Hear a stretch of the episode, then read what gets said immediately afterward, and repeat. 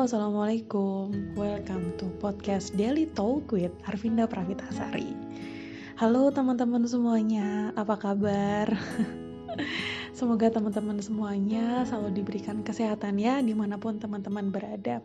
Aku di sini selalu mendoakan teman-teman semoga apa pun kondisi yang dijalani teman-teman semuanya selalu diberikan keselamatan, kesehatan. Rasa-rasanya di masa-masa pandemi seperti ini, kesehatan menjadi salah satu hal yang sangat berharga untuk kita jalani dalam kehidupan kita sehari-hari.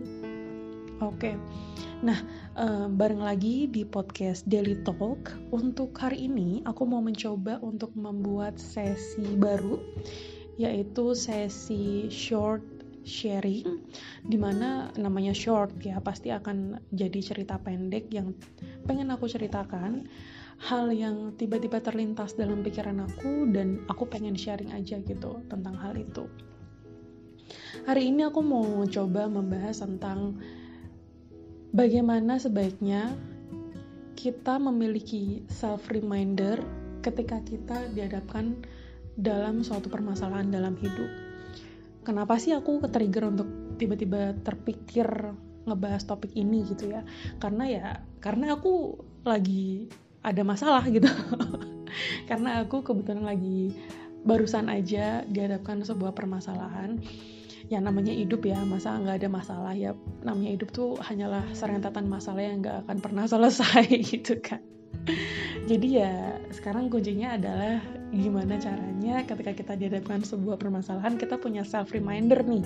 Biar kita nggak terlalu sedih biar kita nggak terlalu kecewa biar kita nggak terlalu gundah gulana. Nah ini adalah hal yang mungkin bisa aku sharingin ke teman-teman gimana aku biasanya ketika mendapatkan sebuah permasalahan selalu punya si self reminder itu gitu mungkin ini nggak akan jauh berbeda dengan apa yang kemarin sempat aku bahas di episode sebelumnya yaitu episode aparigraha hidup tanpa rasa memiliki.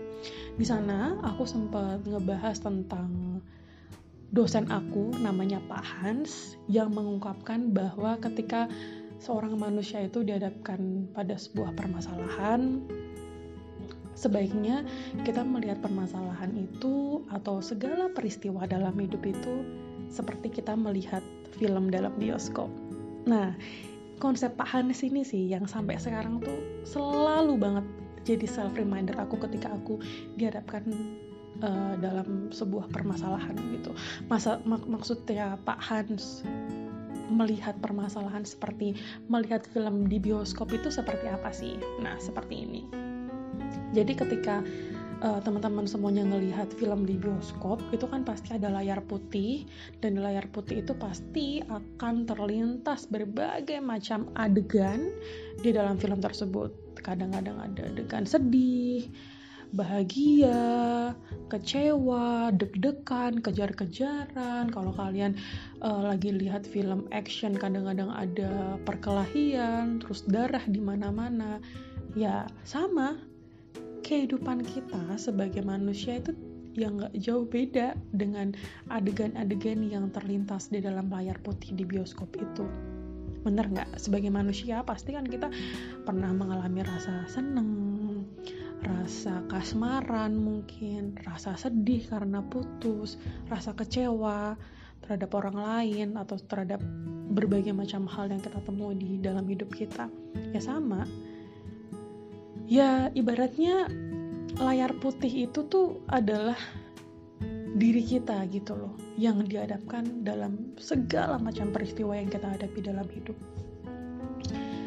Kata Pak Hans, ketika kita dihadapkan dalam berbagai macam peristiwa dalam hidup, kuncinya adalah yang pertama, kita tonton film-film yang terlintas dalam kehidupan kita, kita lihat nih our own movies, film-film adegan-adegan dalam diri kita, peristiwa-peristiwa yang memang ter terjadi dalam hidup kita.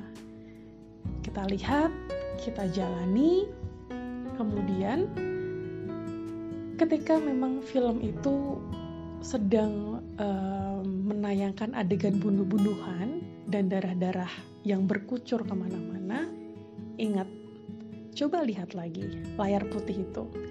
Layar putih itu tidak sedikit pun ternodai darah dari adegan-adegan yang terlintas di, di atasnya. Ya, kata Pak Hans, ya seperti itulah seharusnya kita menjalani dalam menjalani segala peristiwa yang yang ada dalam hidup kita. Jangan sampai segala peristiwa yang ada dalam hidup kita itu menyeret kita untuk masuk ke dalam peristiwa itu. Hati-hati, ketika kita sudah mulai terseret dalam segala macam permasalahan dalam hidup, bisa jadi kita nanti stres sendiri, kita depresi, dan itulah yang menyebabkan adanya gangguan mental dalam diri seseorang. Nah, terus seharusnya gimana dong kalau misalnya kita dihadapkan sebuah permasalahan? Ya tadi yang pertama kita jalani, kita tonton film kita sendiri, dan yang kedua ingat film di bioskop, segala film di bioskop pasti ada endingnya kan? Kalau kita nonton di bioskop ya misalnya dua jam film, ada endingnya juga kan?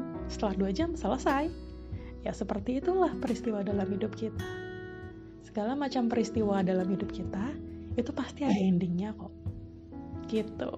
Jadi ketika kalian lagi start nih, lagi start dihadapkan sebuah permasalahan, nikmati, jalani permasalahan itu ketika kita bisa mengoptimalkan diri kita untuk menghadapi itu ya optimalkan gitu. Tapi tenang semua itu pasti segala masalah itu pasti ada akhirnya pasti ada endingnya. Enjoy the show aja gitu. Enjoy the show nikmati prosesnya nikmati perjalanannya. Kesel sedih kecewa menghadapi peristiwa itu ya ya itu proses kalau nonton film kan juga pasti kayak gitu kan. Ada deg-degannya ada kecewanya ada sedihnya ada senangnya. Tapi ingat semua itu pasti ada endingnya. Apa pun endingnya mau endingnya ending bahagia maupun endingnya sedih yaitu namanya proses dalam hidup gitu. Nah yang kedua nih ngomongin tentang ending sedih ending seneng proses dalam hidup.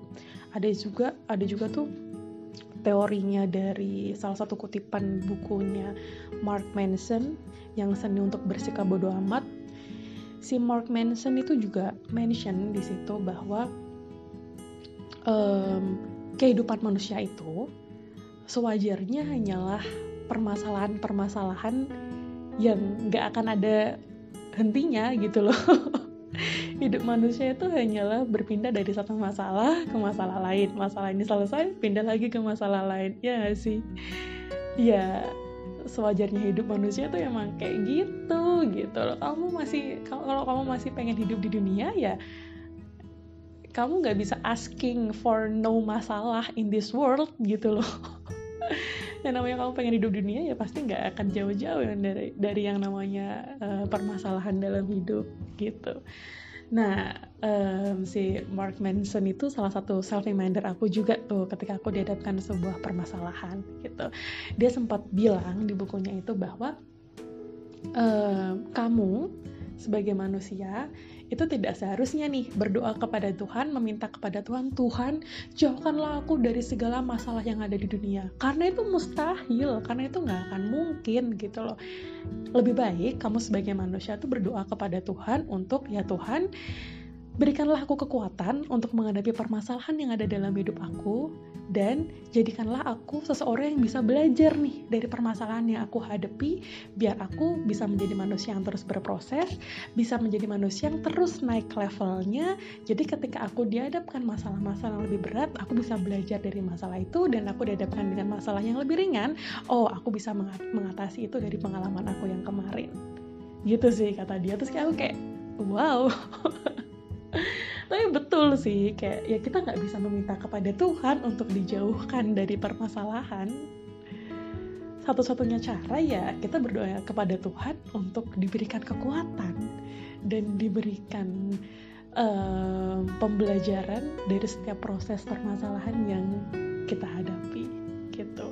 Aku juga sempat baca sih quotes tapi aku lupa deh dari siapa dia sempat nyinggung bahwa ya sewajarnya hidup manusia itu hanyalah berpindah dari satu stres ke stres lainnya, ke stres lainnya, ke stres lainnya.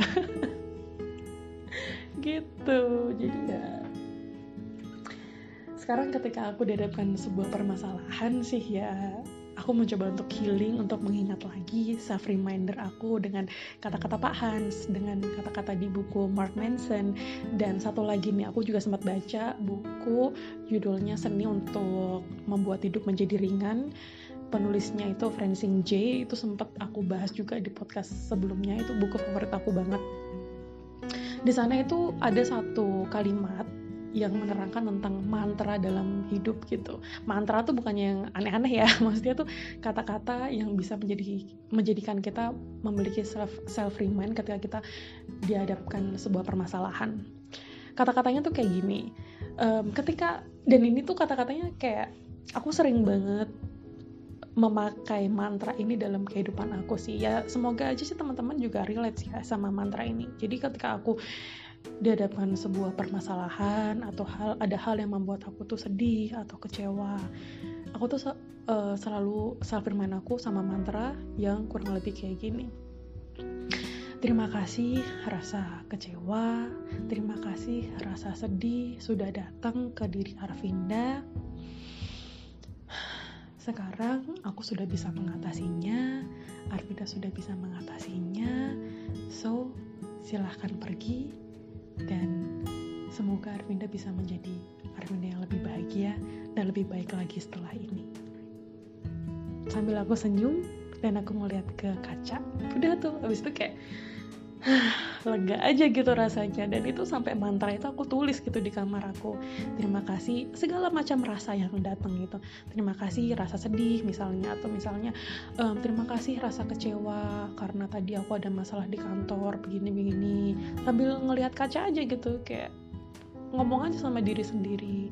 Habis itu senyum. Habis itu udah gitu. Aku ngerasa lega aja ketika aku sudah uh, mengucapkan mantra itu intinya kayak terima kasih kamu sadar gitu loh. Terima kasih untuk masalah dan apa pun yang kamu hadapi dalam hidup awarenessnya itu ada gitu.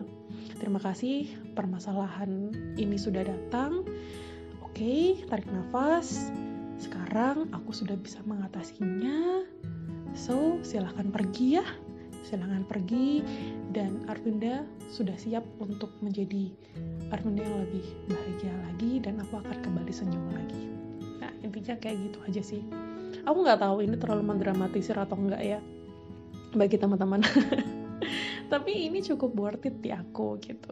Ini cukup cukup cukup sangat malah sangat worth it di aku ketika aku dihadapkan dalam sebuah permasalahan.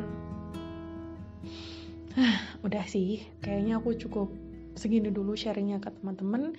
Semoga short sharing aku ini bisa sedikit bermanfaat bagi teman-teman ketika teman-teman dihadapkan dalam permasalahan. Oke okay, see you on the next podcast. Assalamualaikum